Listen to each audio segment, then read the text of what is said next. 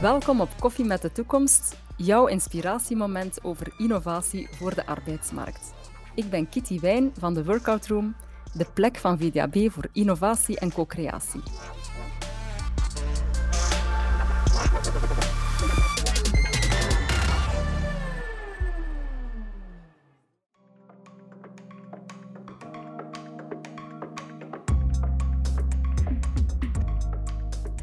And uh, today I invite David Mytton because he's an expert in data management. And that's a topic I'm very eager to learn more about.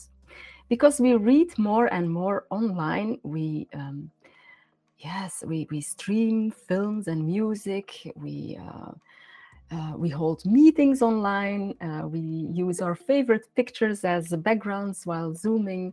Our children are gaming for days in a row. At least mine did uh, last week during the Easter holiday. And so I'm very curious if this habit of ours has any impact on the environment. So, David, hello. Hello.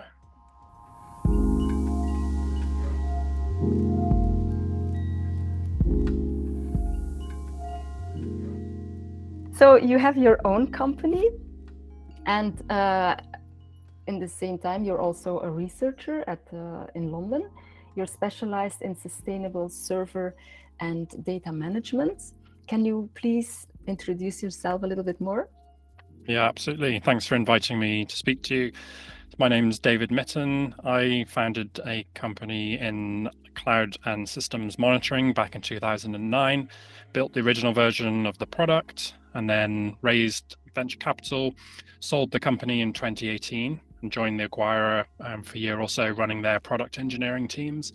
And then I left and took a break and decided to do a master's degree in environmental technology. And that was specializing in energy science and sustainable computing. And that was at Imperial College here in London. And as part of that, I've spent a lot of time researching energy efficiency, data center energy, and how we can build sustainable computing. And at the end of last year, I'm wrapping up my research at Imperial, and I'm going to be joining the University of Oxford in um, in October to continue that research.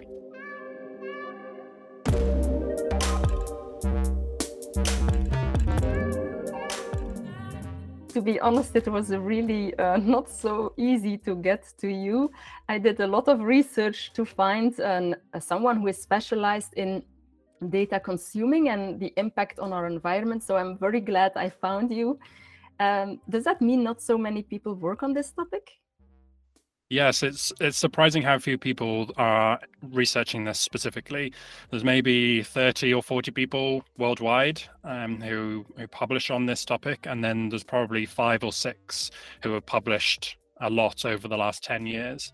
And so i think it's it's gaining a lot of interest in the mainstream media. There's always reporting about the energy or the carbon footprint of video streaming or photos um, but there aren't that many people doing research into it. Uh, so uh, it's good to hear that it gets more and more on the radar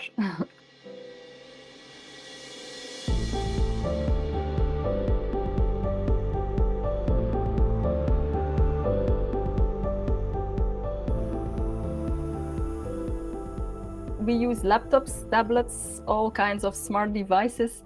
Um, online data traffic might not be as harmless as we might think.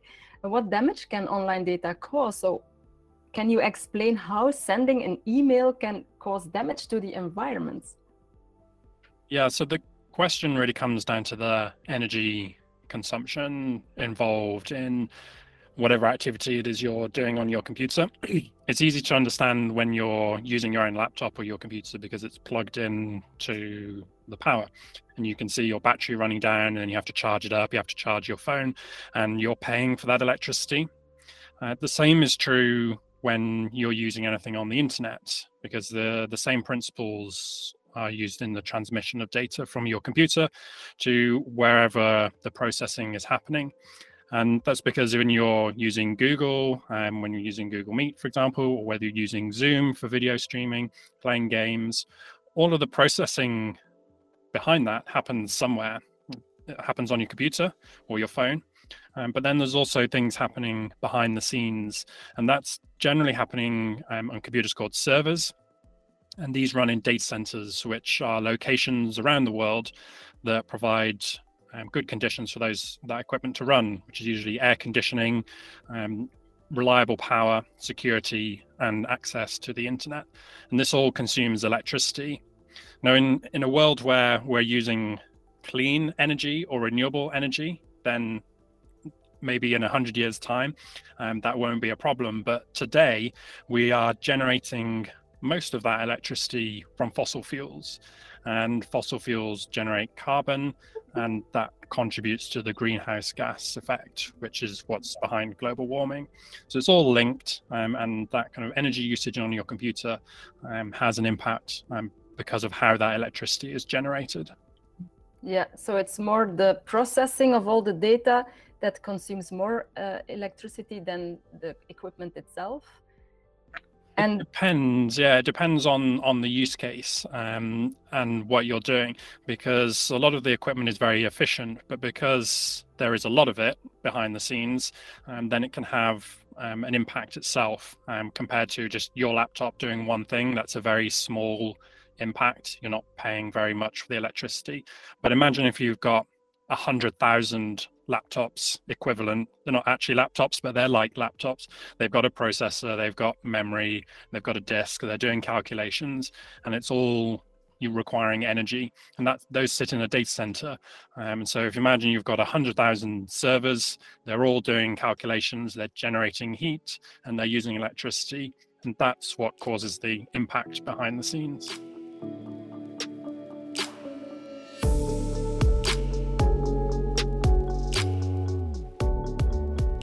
I suppose the processing itself can not easily be reduced, but we also hear about the storage of big companies like Google who keep all our data and, and Facebook. Is that something, eh, suppose we would not store and, and remember that the servers don't remember all our data, would that be helpful? It's probably a utopic question, but. Yeah, it's an interesting question because there's a few different impacts that come in. So there's obviously the the creation of the disk drives, you've got to mine metals, you've got to manufacture them, and then ship them to a data center um, where they sit and um, can store your data. And to store the data, you've got to write it to the disk. And in the old days, it was spinning disks. They would physically spin around, and there would be a little thing that would read the disk. But these days, they're more solid state drives, and it's just how um, how that disk has changed over time but either way, they are consuming electricity. Um, and so to read data or write data from the disk is um, is using electricity.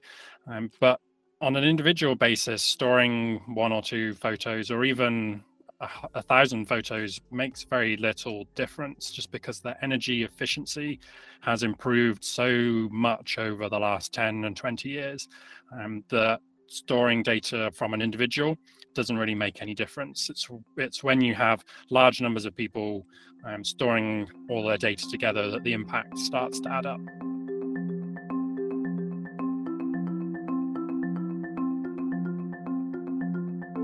So is it true that it's even worse than air transportation? This is a controversial figure, and it really depends on what you're looking at. So the most recent analysis suggests that IT as a whole is responsible for between 2 and 3% of global greenhouse gas emissions. It could be a little bit higher, up to 4%.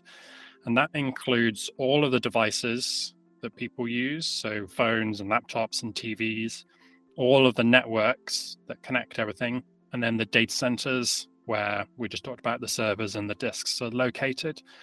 If you're thinking just about the data centers, um, then that is between 1% and 2% of greenhouse gas emissions. And if you compare that to aviation, which is about 1% to 2% uh, globally, then the numbers are similar. but how those emissions are generated are very different. Obviously, an aeroplane is burning fuel, and that's where the emissions come from. Whereas with data centers and IT, it's the electricity that is generated by um, coal and gas um, that causes the problem. And I think that difference is important because it's much easier, relatively speaking, to transition how we generate electricity to renewables and clean energy uh, compared to the technology required to transition to sustainable aviation fuel, which is a lot more challenging and difficult to do. Um, but essentially, they are very similar in terms of their greenhouse gas emissions.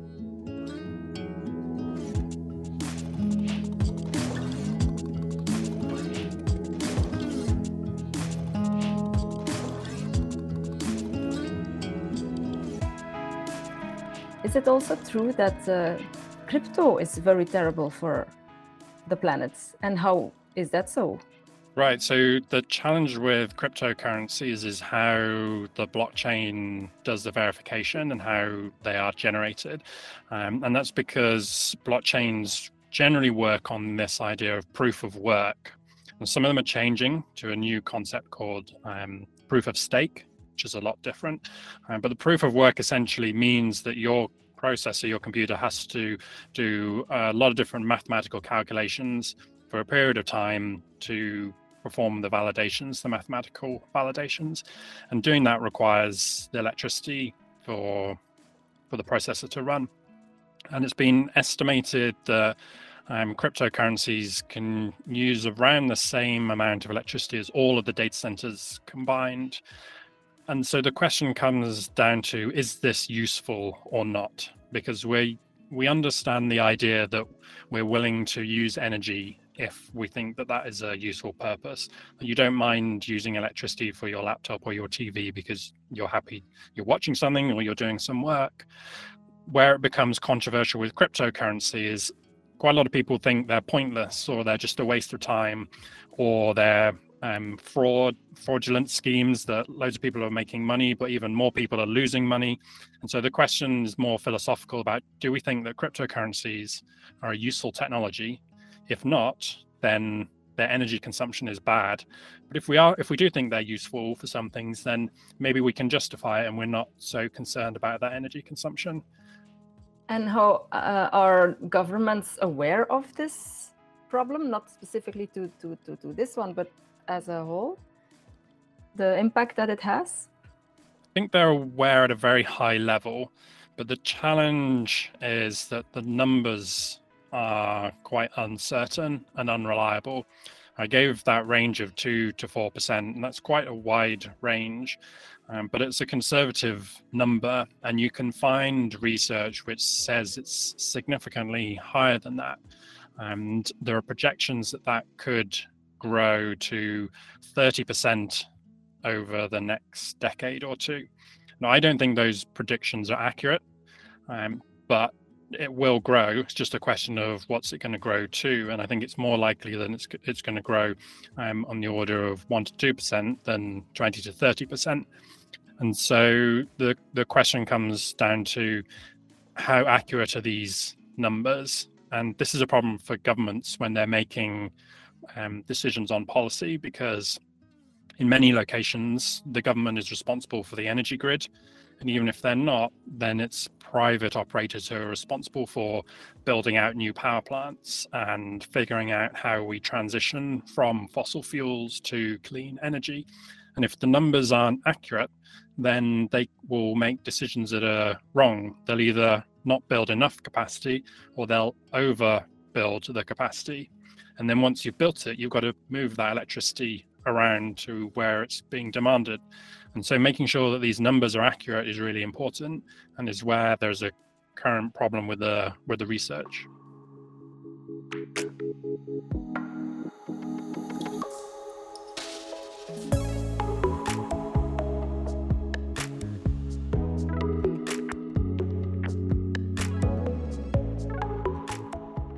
What do you mean by it has to move from?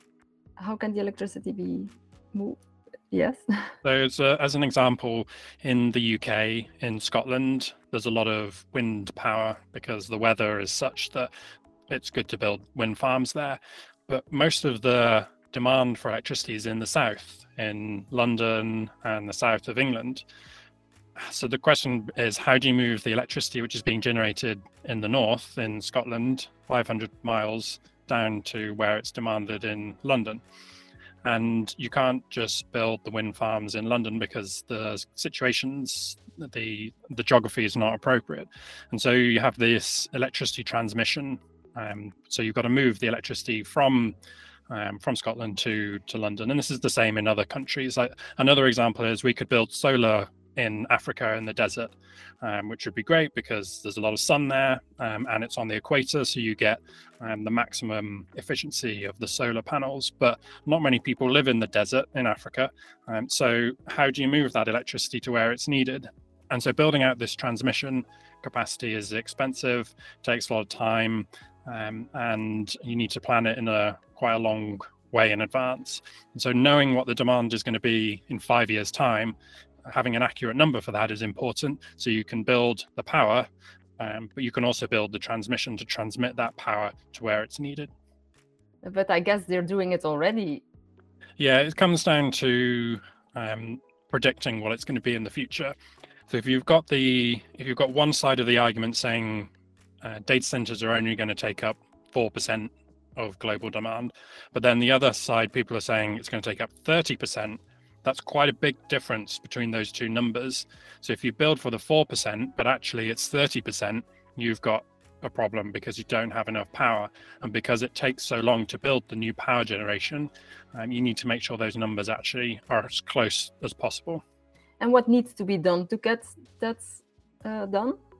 So in IT, specifically in data centers, they're all or almost all run by private companies.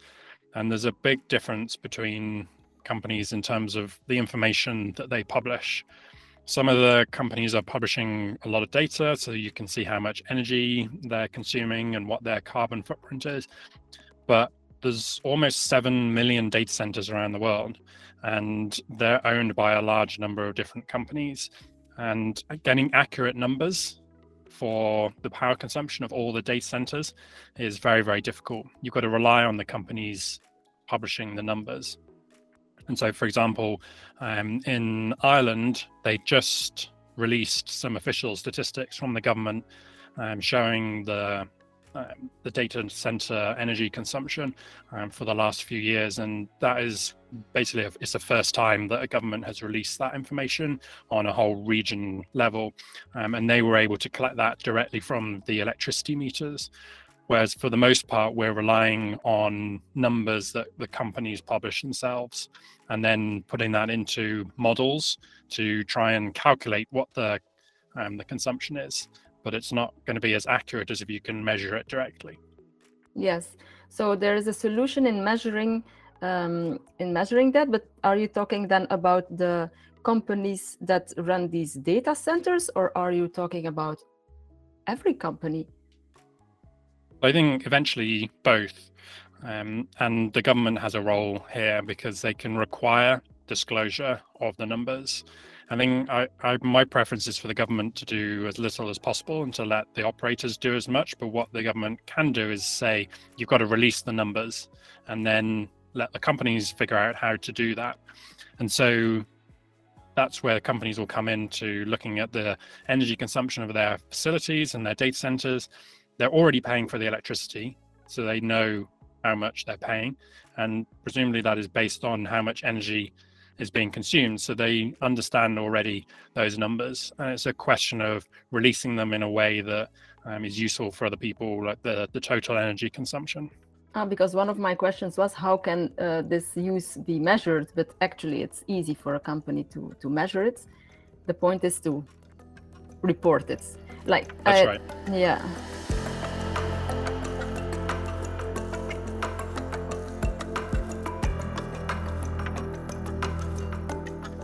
There is this um, legislation, a new legislation that uh, will oblige EU-based uh, companies with more than 250 people um, to report on their environmental impacts. like they report their financial results. What's your opinion about that?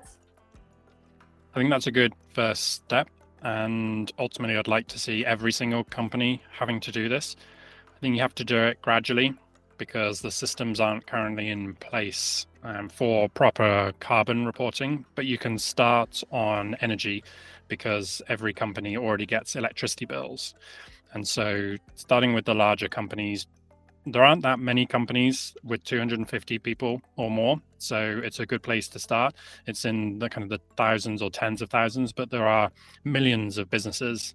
Um, so even in the uk um, alone there's millions of businesses. So as you roll that out to the whole of europe and then ideally globally um, i think the same should apply to financial standards.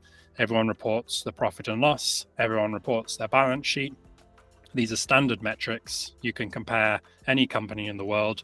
They're basically the same, um, the same numbers. And I think that's the direction we need to go for reporting on environmental data. I think carbon footprint is probably the one that's most relevant, um, but energy consumption feeds into that, and that would be interesting data to publish.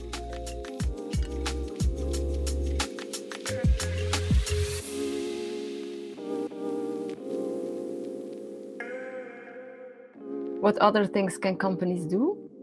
So, right now, the challenge is the reporting limits how you make decisions. So, if you're a consumer and you're buying a product, how do you compare the product? You look at the price and you look at the features. But it's almost impossible to buy any product today based on its sustainability. How do you compare?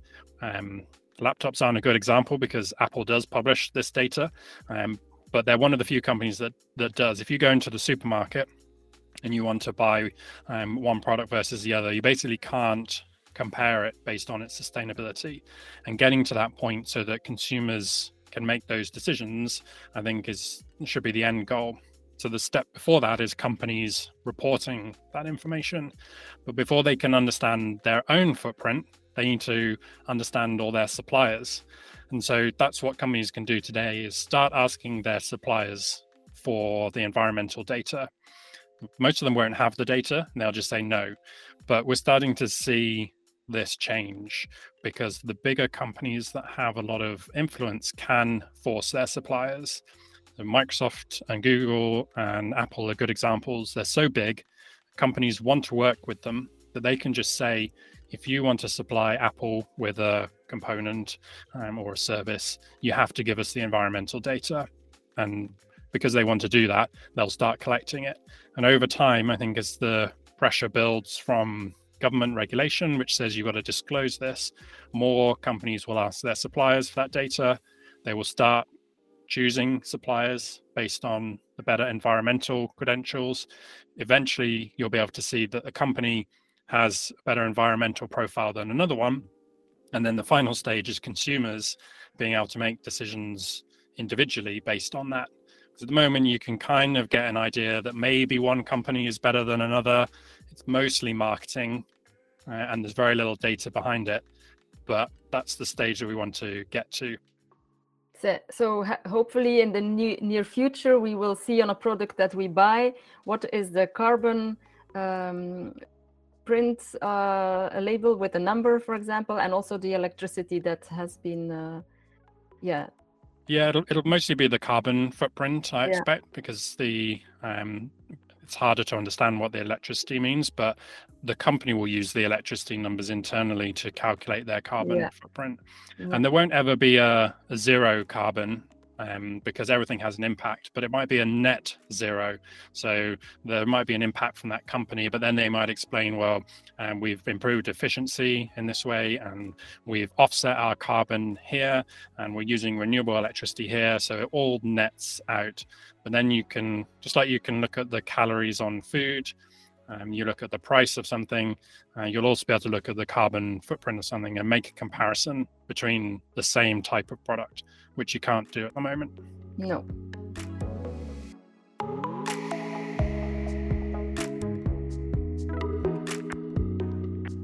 I have a question of someone uh, that that somebody of the in the audience sent in beforehand, so I will read it to you. Um, he says, uh, I definitely believe that we can, should treat our online data more ecologically, but has a comparison already been made between our digital footprint and our analog footprint? Because digital is very broad, and I don't know to what extent this one on one is comparable with your footprint of what has been replaced by digital, such as newspapers, books, transports. You understand the question? Yes. Yeah. So this is about your digital footprint and how you can improve that or what you can do as an Mhm. individual, perhaps. Um, yeah, to reduce your, as an individual, to reduce your own impact. So my opinion is individuals can do nothing because it makes no difference whether you store a hundred photos, a, a thousand photos, a hundred thousand photos. It's so few in the overall scheme of things that it makes no difference whatsoever. Um, you also don't really have much of a choice. You probably you might use Google Photos or you might use Apple Photos. Both of those companies are already carbon neutral and they already use renewable electricity. So there is no real difference between using one or the other. Both are doing a lot of work. Um, when you get into the details, there will be little differences, but it doesn't make much sense for an individual to choose those kind of products based on their footprint. And this is the case for all of the major tech companies, apart from Amazon. So Google, Microsoft, Apple, Facebook, they all do a lot already, and they're already net zero in their overall footprint. You, there's an argument you can make about how they're using offsets for a lot of that, and there are a lot of problems with carbon offsets because they're What's not very good. So carbon offset is where you pay someone else to either not emit on your behalf um, or to do something that removes the carbon that you've emitted. So if you know that a tree will withdraw a certain amount of carbon, you can calculate how much carbon you've created from your activity and pay someone to plant enough trees to net that out to zero. There are lots of problems with these because there's a lot of fraud. Like someone will say, "Yeah, I'll plant the trees to you," and then they'll go and say the same thing to someone else and to someone else, and they won't actually plant any more trees. Uh, they'll just plant the same number, or they won't plant them at all, or they'll plant them and then in a few years they'll burn them all because the forest is burnt down because of wildfires, or they'll be cut down in ten years because they've sold the land for logging. So there's a there's a lot of challenges with these. So the Um, money we pay extra for flight uh, flights, it's no it's use. generally a waste of money. Yeah. Oh. Um, and it's not to say that they're all bad.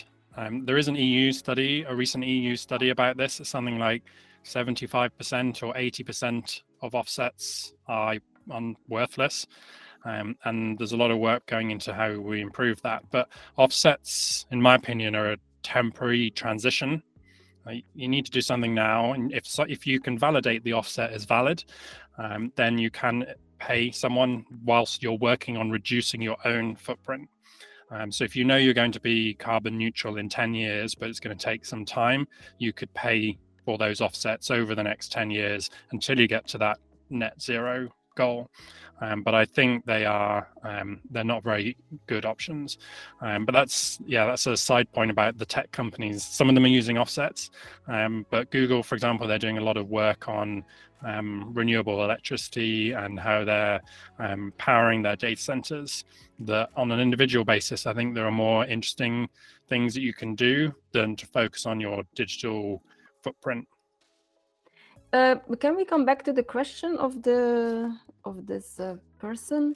So it was about the comparison about the digital footprint and the analog footprints. Like for example, we replace the newspapers, the books, the transport that has been reduced. So by the digital form, is it more better uh, carbon wise or? Yeah, I No. think in, in almost every single case, it is better to use digital technology than analog. Certainly, flying, um, flying to a conference, for example, if you attend the conference or speak at the conference electronically, um, then that's better than physically attending. Uh, flying is one of the things that individuals can do that actually does make a difference. Um, but getting it gets more challenging as you get into some of the more edge case examples. So if you have a an electric vehicle and you're driving to the office, which is also powered by renewable electricity, and you have a meeting with people there, is that better than uh, having a video call, which is also powered by electricity? And to actually understand that, you need to get into far more detail than most people uh, are interested in because you have to look at the grid mix and what time of day it is and how the electricity is generated, where they're located, all those kind of questions. Um, but I think a rule of thumb is that using anything digital is almost always better uh, than an analog situation. And are these studies actually being made that you know of? Yes, yeah, there are examples um, in the literature of this. Um, and the challenge is just keeping them up to date because a lot of them are, quite old now. Um, there's a good example um, of an academic conference that was held online, and also um, I think it was run in um, in one of the Nordic countries, and then also in Japan. And they made some calculations about the difference between them. Uh, but that was over 10 years ago, and um, in the last 10 years in the UK, for example, um, the amount of wind power that has become available has changed significantly. And so this is the challenge with all of these numbers is they they become out of date very very quickly. Um, and so relying on a number from even just three or four years ago um, is probably out of date by now. Yeah, yeah, yeah.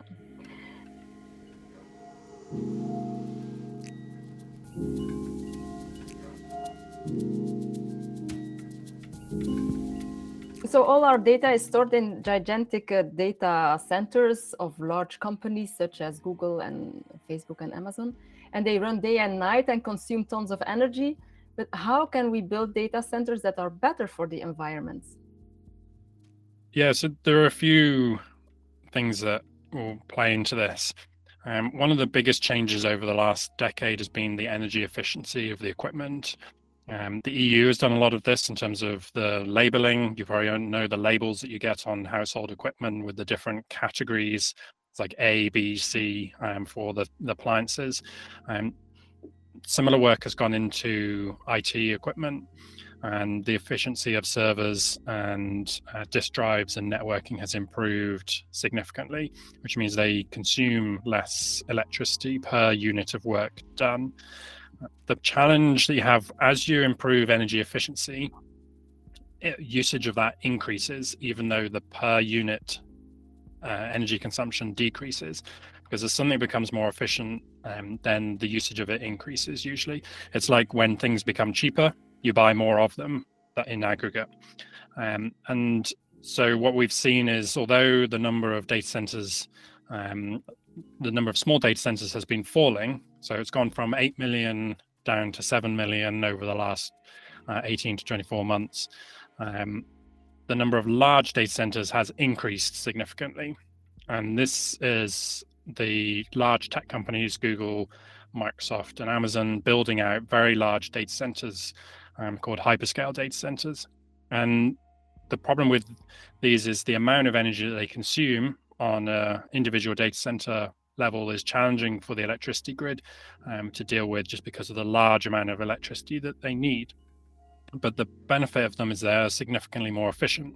So rather than having a small data center um, where you have maybe 10 or 20 servers, there are now data centers where there's 500,000 servers in them.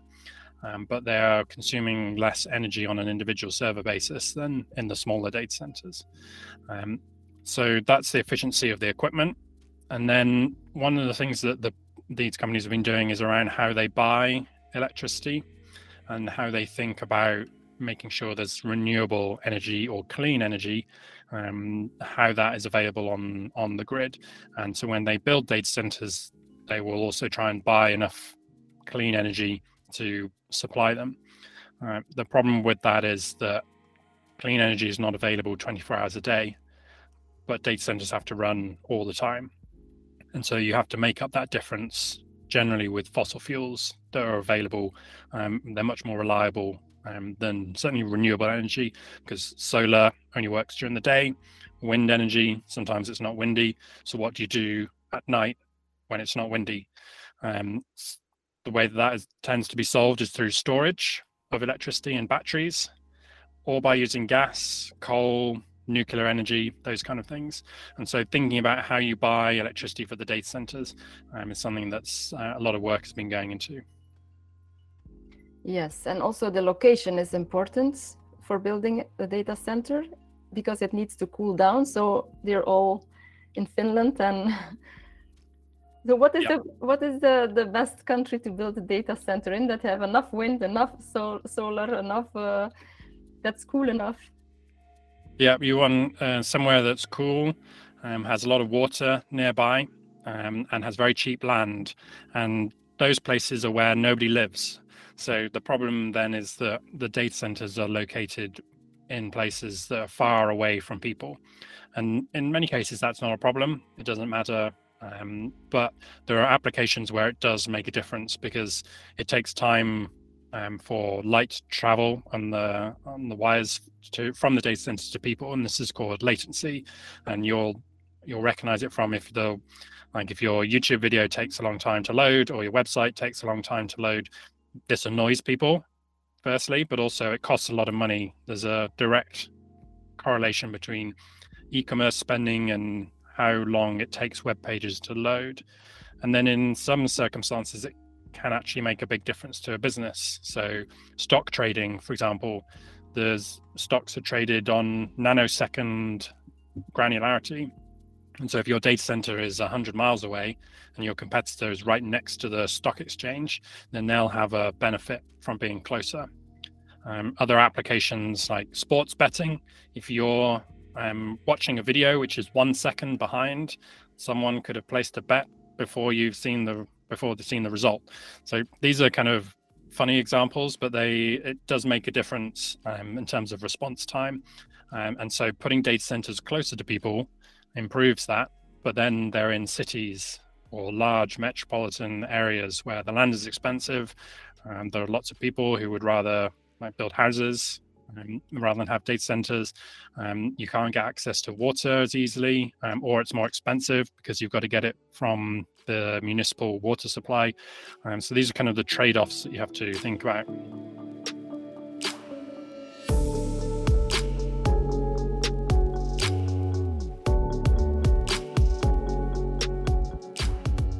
David, I would first now like to uh, look uh, to the audience and the questions that um, that you all have.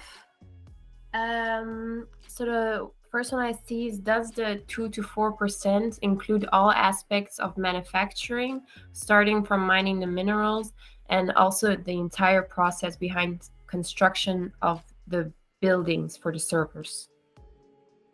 So it would include some of those. I think that number includes the carbon footprint of the manufacturing. Um, and I, I don't know off the top of my head whether that includes the mining um, or the building construction, but this is an important point because a lot of the numbers focus on just the usage of the of the equipment, not the construction of it. And there are a lot of challenges there. It goes all the way through the supply chain. Um, and this is one of the other things that individuals can do um, to improve their overall carbon footprint is not to buy new equipment as often. So you don't need to buy a new phone every year. Um, you can wait, um, or you can buy something that has already been manufactured. So you buy a secondhand or a refurbished laptop or a phone, and that can make quite a big difference. Um, the manufacturing of a laptop, for example, is almost the same as a, a flight within Europe. Um, so it does have an impact.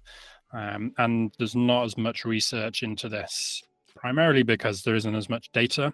It's the companies, again, this is the problem where there's not enough data. Um, but Apple is a good example of a company that does have this data. And you can go on the Apple website and you can look at the carbon footprint of every single product they've ever produced since 2009, 2008, something like that. And you can see the breakdown of where the carbon footprint is. And it's mostly in the manufacturing, it's not in the usage, it's mostly in the manufacturing. Um, and you can see what it is for each computer, phone, watch, whatever it is you're buying. Um, but there isn't enough information on that, and certainly not on the mining um, and the carbon footprint of that, or on the social impact of that, because a lot of the or the materials that are used are mined from countries that are not as good in terms of their governance and how they manage things like the worker issues, uh, who's employed, how much they get paid, the conditions that they're working in, those kind of things. Um, and that is a, a, major challenge that the tech industry um, and just manufacturing broadly, like the electric cars or the metals that go into the batteries. That is a major challenge on how those are sourced. Um, and so there's more research that needs to be done on that.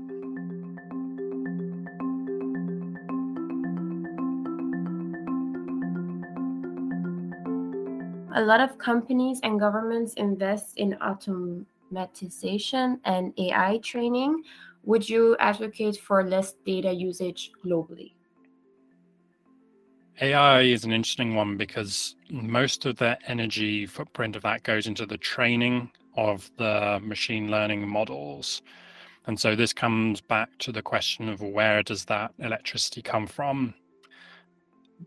Machine learning is much better trained on what known as GPUs, uh, graphical processing units, and they're different from CPUs in terms of how they do their calculations and what they're good at but they consume a lot of electricity, significantly more than a CPU does. And so there is a large energy footprint um, in the in the machine learning training. So things to think about if you're doing AI is how often you need to do the machine learning training um, and how much data is going into that. Um, but generally, the more data, the better in terms of the accuracy of the model. Um, but then the more data means the more time it's going to take to do the training. So that is a, a challenge. My general position is that we should do more of this because if there's more consumption, then that will encourage more effort to be put into the uh, work on the efficiency and how to think about changing the fuels, moving to renewables and clean energy. Um, I don't think it's a good idea to reduce our data consumption primarily because individuals have basically zero impact. But I think the benefits that we get from using digital services um, far outweigh the downsides. Certainly in Western countries, we've been benefiting this for a very long time.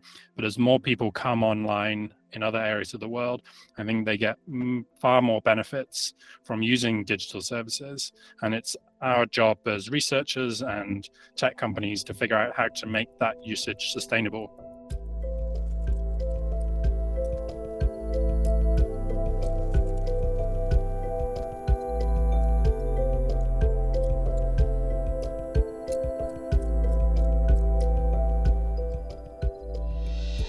Is there a source of accurate or broadly estimated figures on the energy use of an email, a text message, storing an amount of data on a cloud, so people could try to save on it and contribute to a total effect? From an individual level, the energy consumption of an email is zero, and SMS is zero, and all of your energy on the cloud is zero. So I wouldn't be thinking about sending fewer emails. Um, I don't think that makes any difference. What companies can do is when they're using cloud services as a whole, if you've got 100 employees or 10,000 employees, that's when the number starts to make a difference. And the company can decide, well, they're going to go with Google because they buy clean energy, um, or you go with Microsoft because they also buy clean energy, and you're not going to go with Amazon, let's say, because they're not as good at that and the company can therefore make a difference over its 10,000 employees or even just 10 employees that can make a difference. But on an individual level, I don't think it's that helpful to think about it um, because the numbers are so small that it would be better for you to not fly to America three times a year and go once, for example. That has a that has a much larger impact than sending a few less emails. Yeah. So basic basically depends on the company that you go with. So as in Google and so on. That's that's right. Yeah. And they provide calculators now so that you can actually see your carbon mm-hmm. footprint of the resources that you're using. And I think that's where individuals should focus. Uh, don't buy another phone um, unless you really need one. Um, maybe reduce your flying internally inside of your companies, if you're making buying decisions, ask the supplier for their carbon footprint. And if you're not making buying decisions, ask your company internally to get that information and report on it. Because employees can pressure the companies they work for to release the data, and that means they then have to research and figure it out.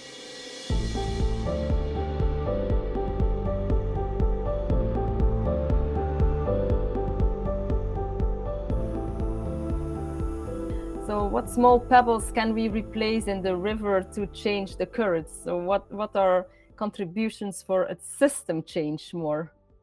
The system that we're talking about is the um, the energy system. So it's renewable energy and clean energy, and that that difference is important. Renewable means solar and wind generally. Uh, clean involves hydro and nuclear power. Nuclear power is really important um, in the transition, and hopefully some of the the challenges with Ukraine and Russia are making countries rethink decisions on nuclear, um, and that will be potentially a positive outcome from um, from that. Um, but the system changes are kind of already happening in the electricity sector, and there's different countries are going at different rates. Um, but there's already an understanding that we need to move to clean sources of energy. Um, so really, I think it's about um, the reporting side of things, which is what the government can do, asking companies to report on this and making it required to do so. And then individuals can ask those companies that they work at to research, look at the numbers, figure out your carbon footprint internally. Because if you don't do it now voluntarily, when you've got time, you're going to be forced to do it probably in the next five or 10 years. And it's better to start now and figure it out than for you suddenly to have to scrabble around. Probably everyone remembers GDPR and all of the um, the work that had to go into that in the months leading up to the deadline. We don't want to leave it to the last possible moment. And starting the research now is a good place to start. It's a very clear message. Thank you for that, David. in your opinion, which non-profit organizations or um, campaigns can we support? Uh, that's a good question. Um, I'm going to have to decline to answer because I don't know enough about which ones. Okay. Sorry. okay.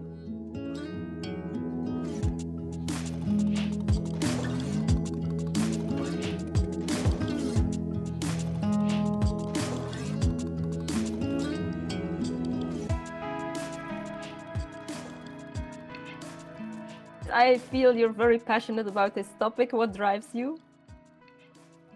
Um, I think this is an important issue um, because, like I said, I think access to digital services is important for everybody in the world because of the benefits of free access to the internet and all the information and the communication um, capabilities that that gives people. And I think individuals should not be required to make much change. And it should happen for them so they don't have to put in the effort. You should still be able to watch TV and do video conferencing and play games, and the system should change to make it less impactful on the environment.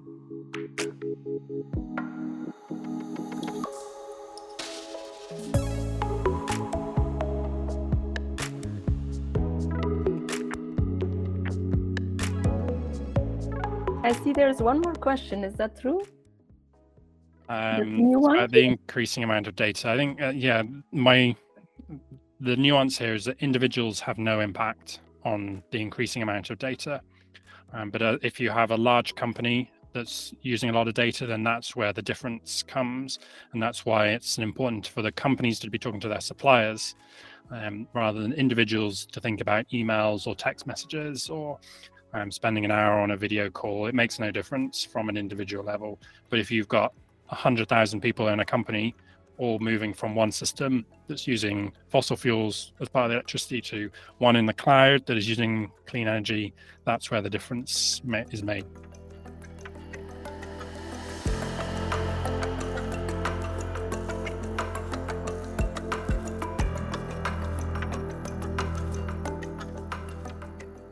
Thank you very much, David. Uh, there's a lot happening behind the scenes. Let's all be more aware of that uh, on an individual level eh, by, for example, refurbishing our devices instead of buying new. uh, governments should do more research. I, you, I hear you say that more research is needed to be done. And uh, companies should ask uh, their suppliers uh, for their data and their carbon footprint. Hopelijk heeft iets van wat je gehoord hebt je geïnspireerd voor je werk. Wil je graag zelf eens deelnemen aan een koffie met de toekomst of een ander event van de Workout Room? Neem dan een kijkje op de website vdab.be/workoutroom. Graag tot gauw.